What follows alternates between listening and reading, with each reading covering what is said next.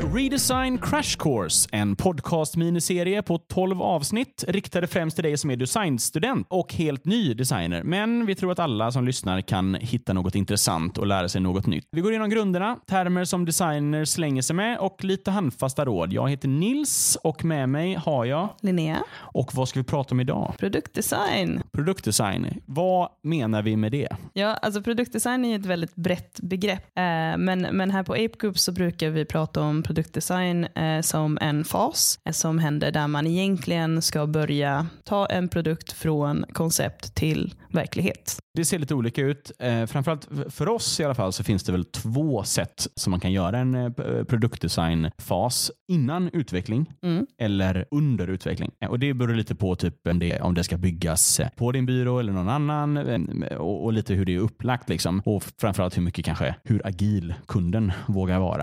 Eh, Men vi rekommenderar väl eh, att man kör i alla fall en. Vi kör två veckors sprintar. Mm. Eh, Det funkar bra för oss Eh, och vi rekommenderar i alla fall att en sprint innan, kanske ibland två, bör man ligga. Design bör ligga före. Ja, exakt. Om det finns en koncept innan så brukar de kunna börja med grundläggande liksom backend-struktur och liknande. Men ja, det brukar vara bra att design ligger lite före så att när man har fått tänka klart så kan utvecklarna börja utveckla. Okej, om vi börjar då. Du får tänka på att det här kan ju vara, det här är liksom en övergripande process för produktdesign. Det kan sp- spanna över flera sprinter eh, om det är ett större scope eller så liksom gör man det här om och om igen. Men vart börjar man typiskt sett? Alltså, det finns två, egentligen två typer av startpunkter. Eh, Och det är antingen så börjar man från att det finns en existerande produkt och kunden kommer till dig och säger vi vill liksom höja UXen inom den här produkten. Klassiska sådana exempel där det liksom handlar om att eh, göra en, en mindre förhöjning men det är inte att liksom, eh, helt tänka om konceptet för en produkt. Ett annat scenario det är att eh, antingen så har man kört ett konceptprojekt innan eller så har kunden kört ett konceptprojekt med en annan byrå eller liknande eh, och så kommer de till dig för att ta det här konceptet till en produkt. Eh, men vad man brukar börja med i båda de fallen det är att börja ta del av allting som har gjorts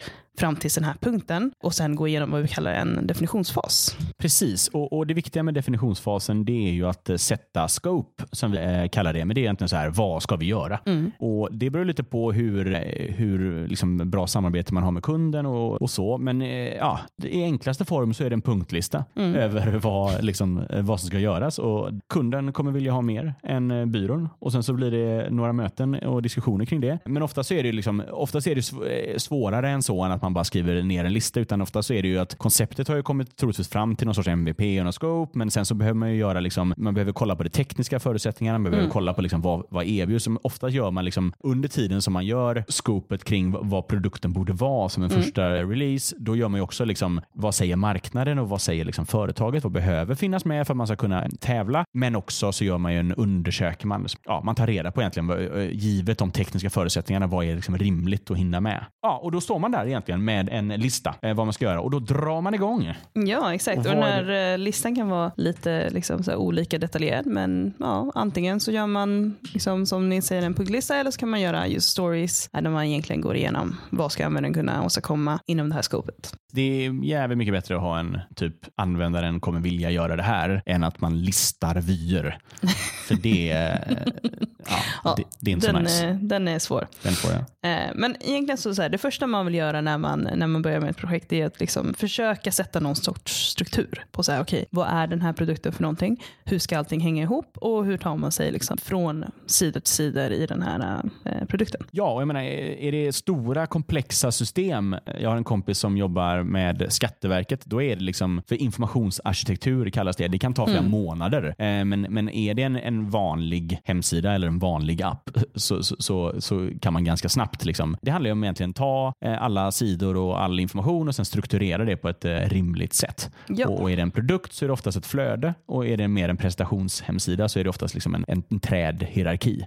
Och sen flowcharts gör man väl övergripande också. Ja, man, man eh, liksom visar hur användaren ska kunna ta sig genom tjänster. Eh, men det finns egentligen två olika sätt att liksom approacha den här strukturdelen. En är ju som ni säger att man, man, man tar all information och alla sidor som man tänker sig ska kunna finnas eh, och sen så grupperar man ihop dem till någonting som känns väldigt logiskt. På lite mindre sidor, då kan man också följa en metod som heter eh, Objective Oriented UX och det betyder att man egentligen istället för att tänka på informationen som, eh, som egna sidor att man tänker på ehm, olika koncept som man har att jobba med. Så till exempel på en eh, e-handel så kan det vara att produkt är ett koncept och färg är ett koncept och storlek är ett koncept. Och sen så kan man gruppera, okej okay, hur ska de här koncepten relatera till varandra? Ska man kunna liksom säga, okej okay, jag vill se alla, alla kläder som har den här färgen. Ja men okej, okay, men då har man definierat lite av hur man ska kunna, hur användaren ska kunna interagera med de här olika koncepten. Och det kan vara en väldigt bra övning om man känner sig fast för att man tänker lite utanför de banorna eh, som man kan bli fast i om man liksom bara försöker gruppera saker efter en informationsarkitektur. Historiskt sett så har man alltid jobbat med eh,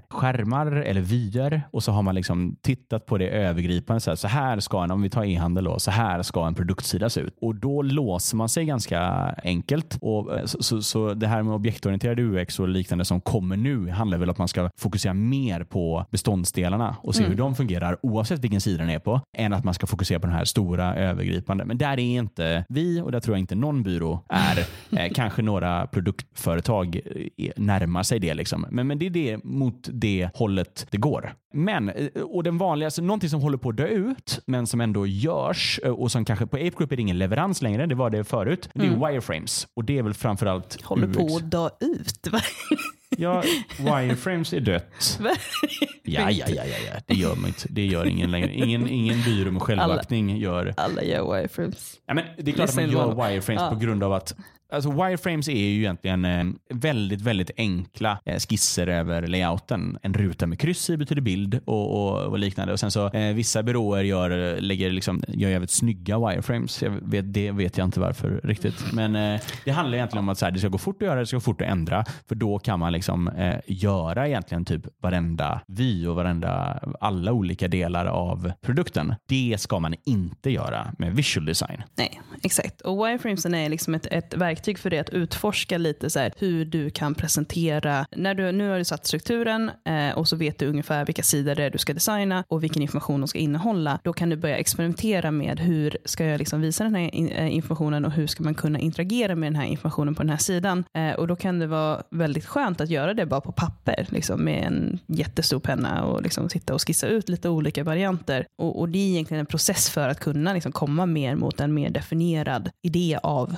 hur ska den här produkten egentligen se ut? Jag tycker väl att så, här, så som vi jobbar främst på Ape Group är att man gör handritade wireframes. Man synkar med eh, art directorn eller visual designern och sen gör man keyscreens. Mm. Ja, men, och keyscreens är väl egentligen exempelsidor skulle man kunna säga. Mm. Om vi tar e-handel igen då, då skulle typiska keyscreens vara startsida, produktsida, kategorisida och checkout. Typ. Eh, och så hittar man det liksom i, i antingen konceptet eller i, i eh, flowcharten så hittar man de här liksom exempelsidorna. Så istället för att designa ut alla produktsidor så designar man en och sen så får, man helt enkelt fatta. Liksom. Och, och, och, då gör man en, ja, men fem, sex sådana och sen så är det där liksom, det övergripande krutet läggs på liksom, Liksom, eh, slående visual design. Det har hänt många gånger men det ska liksom, man ska aldrig designa ut alla olika sätt som den här sidan kan se ut på. Man ska inte designa ut liksom, småsidor eh, och liknande. Utan det gör man sen i, i liksom designleveransen som är oftast moduler. Men jag tycker till exempel att man gör de här keyscreensen och man kan göra wireframes på dem innan om det behövs. Men sen tycker jag att wireframes främst ska ju vara en jätte jätteenkel skiss över produkten utifrån mallar där man egentligen pekar ut på rutor. Typ här ska den här modulen vara, här ska den här modulen vara, här ska den här modulen vara för att så här, designa ut först en wireframe, sen en visual design, sen en, det, det, liksom, det blir så himla mycket. Jo, men men det är väl också liksom, eh, eh, jag tror att det, är väl lite olika sätt att approacha det på. Det beror på vilket projekt det är. Eh, men, men liksom skissandet på wireframesen är ju ett sätt att komma fram till de här modulerna och liksom veta hur de ska se ut och veta hur de ska bete sig. Däremot så, så, så är det kanske, och det är också en anledning till att vi inte levererar wireframes som en leverans, det är att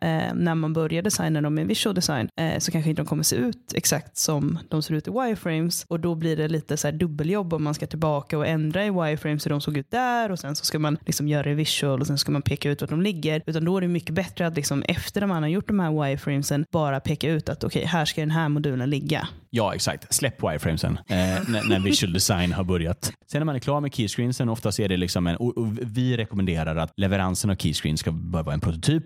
Kan man klicka runt lite, man kan se liksom den övergripande. Antingen så är det ett huvudflöde eller så är det liksom så här, eh, ja, de fem vanligaste sidorna. Och sen så får man dem en eh, prototyp, man kan klicka runt lite, man fattar eh, och sen har det skett sign-off. Fan vad gott. Då kommer ju eh, egentligen den viktigaste delen av produktdesign och det är ju designsystemet eller modulbibliotek eller style guide. Man kan kalla det lite vad som helst. Eh, men det handlar egentligen så här, då tar man keyscreenen och sen så bara plockar man ner den i smådelar och sen designar man varje eh, modul för sig egentligen. Då så gör man ju liksom alla olika varianter av den. Typ jättelång text, jättekort text, bild, inte bild och sen även de här då clicked, hover, pressed, alla de här. Då gör man liksom alla olika varianter av varje modul. Ja, och det beror väl på liksom på något sätt så här, att i ett produktdesignprojekt så har du egentligen två eh, huvudsakliga stakeholders där du, som du ska leverera till. Och det är kund och sen så är det utvecklare. Liksom det vi har pratat om hittills, liksom keyscreensen, eh, wireframesen, eh, de här flowchartsen med det. Det är främst leveranser som man gör med kund så att man liksom stämmer av att man inte har missat någonting, att de är nöjda med den visuella designen, att de är nöjda med informationsarkitekturen, eh, alla sådana delar. Och sen så kommer man egentligen, ja man stämmer av med dem, okej okay, här är de här skiscreensen, så här kommer produkten ungefär se ut. Och det är egentligen bara kanske en tredjedel av jobbet. Och sen så när man ska göra alla de här andra statesen som utvecklarna behöver veta för att så här, ja, vad händer om liksom någonting, eh, ifall man skriver in någonting som är fel, vad händer om man liksom klickar på den här delen? Och de delarna gör man då efter. Precis, jag menar om vi ska hårdra det så är det väl liksom övergripande för kund ja. och väldigt detaljerat för utvecklare. ja, men klassiska frågan, alltid, det slår aldrig fel när man visar en typ en, en listdesign. Är så här, ska texten trunkeras eller ja. radbrytas om den är för lång? eh, och Då får man förhoppningsvis visa med nästa slide, det är trunkering. Eh, eller så får man tänka, what? Okej, okay, jag får återkomma till det här. Nej men precis, och, och så är det väl liksom att så här, lägg inte all tid på den övergripande övergripande presentationen för då kommer det bli jäkligt jobbigt sen. Liksom. Det, eh, och, och, det är en, en, rimlig grej är väl att göra en sprint för övergripande och sen två sprintar för detalj och då ha, ah, jobba eh, samtidigt som utvecklarna jobbar så att man kan liksom ställa frågor och bolla grejer fram och tillbaka. För det övergripande är ganska irrelevant sen när man väl börjar bygga utan då är det de små beståndsdelarna som ska eh, hänga ihop bra. Ja, för liksom en kund så, så, så brukar det vara för mycket att ta till sig att sitta där liksom med, med ett komponentbibliotek bibliotek och liksom, eh, tio olika states för varje komponent. Att försöka ta till sig det och liksom veta vad det är man egentligen vill få sagt med det. Det är därför vi brukar skilja det, att vi gör liksom en slutpresentation för kund där vi går igenom mer övergripande eh, och sen när det väl börjar gå ner i så här, ja, men nu ska utvecklarna ta tag i det. De, de får vara med om de vill vara med men, men då fokuserar man egentligen huvudsakligen på att se till att utvecklarna får det de behöver. Ja, och det här kommer låta uppenbart men så här gjorde jag jättemycket när jag var eh, ny designer. Överdokumentera inte.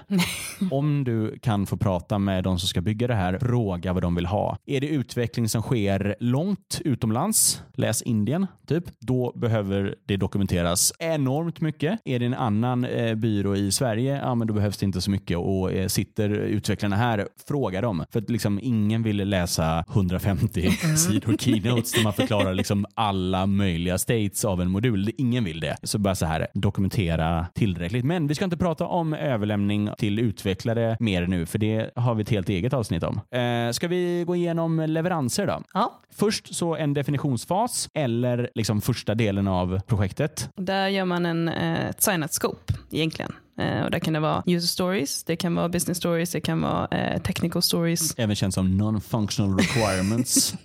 de har mycket coolare namn ja, än det har, de verkligen, det har de verkligen. Eller liksom en, en teknisk studie där, där man kartlägger egentligen de existerande systemen som eh, den här produkten ska interfacea mot. Eh, men det är det. Och där försöker man, liksom, ja men då måste man signa off. Liksom, både eh, byrån och kunden ska vara överens om det här är vad vi vill, liksom, det här är allt som kommer levereras från det här projektet. Sen är det flöde och struktur och då är det väl ja, men flowcharts finns det en massa standardiserade sätt att göra. Det är en, en ruta med en pil till en annan ruta. Det, det, är enkelt. Jag gillar att göra dem i Keynote. Ja, det finns också draw.io som är en annan sån typisk flowchart liksom skapningsverktyg. En rekommendation är att inte göra, alltså här, gör man det i Keynote så behöver man exportera ut i pdf och så skickar man en hård överlämning. Ja, det funkar om det är den sista Liksom, om överlämningen är överlämningen. Eh, det kommer inte ske någon feedback. Det kommer inte ske, det kommer, då, kommer, då får ni behandla det som print. Alltså korrläsa och gå igenom massa sådana saker. Fine, det funkar bra. Men det är lite jobbigt och det, är lite, det känns inte så 2018. Men om man inte riktigt vågar ta steget eller har ett system för att liksom leverera helt eh, digitalt så är ett bra sätt att göra det i eh, Google Slides. Mm. För, för då, då, delar ni den med era kunder och sen så är det ett levande dokument som ni båda kan liksom ändra i. typ. Då är det en väldigt bra grej att ha antingen i början eller på slutet en slide som heter changelog där ni skriver in vad som har ändrats eh, och vilket datum. det är en väldigt bra grej att göra. Men, men det är ett jävla bra sätt och, och, och samma sak med modulbiblioteket. Också bra att ha liksom online. Ja, de flesta av de här grejerna egentligen är väldigt bra att ha online så att det finns funktionshantering och det finns ett sätt att ändringar kommer igenom.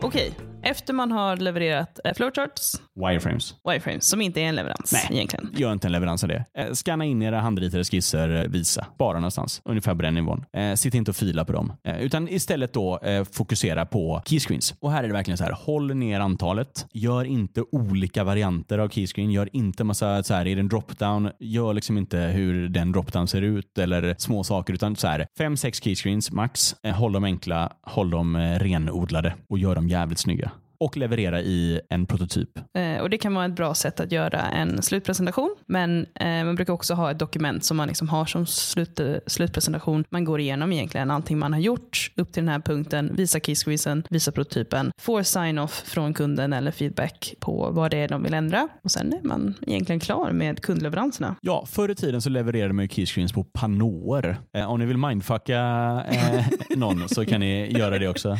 Då, egentligen, det, då skriver man ut på en A2 och sen limmar på en sån en svart, stor svart liksom, eh, foliebit och så bär man med sig den på tunnelbanan bort till, eh, till kunden och sen så sätter upp den då på väggen och snackar. Det är tips. Där har ni tips. Nej, men, och sen då, majoriteten av eh, tiden eh, ska läggas på designsystemet. Och att se till att man gör en bra överlämning till utvecklare. Men det ska vi prata om nästa avsnitt. Och det är väl egentligen eh, det för idag va? Mm. Bra, då ses vi nästa vecka. Ja, hej då. Hej då.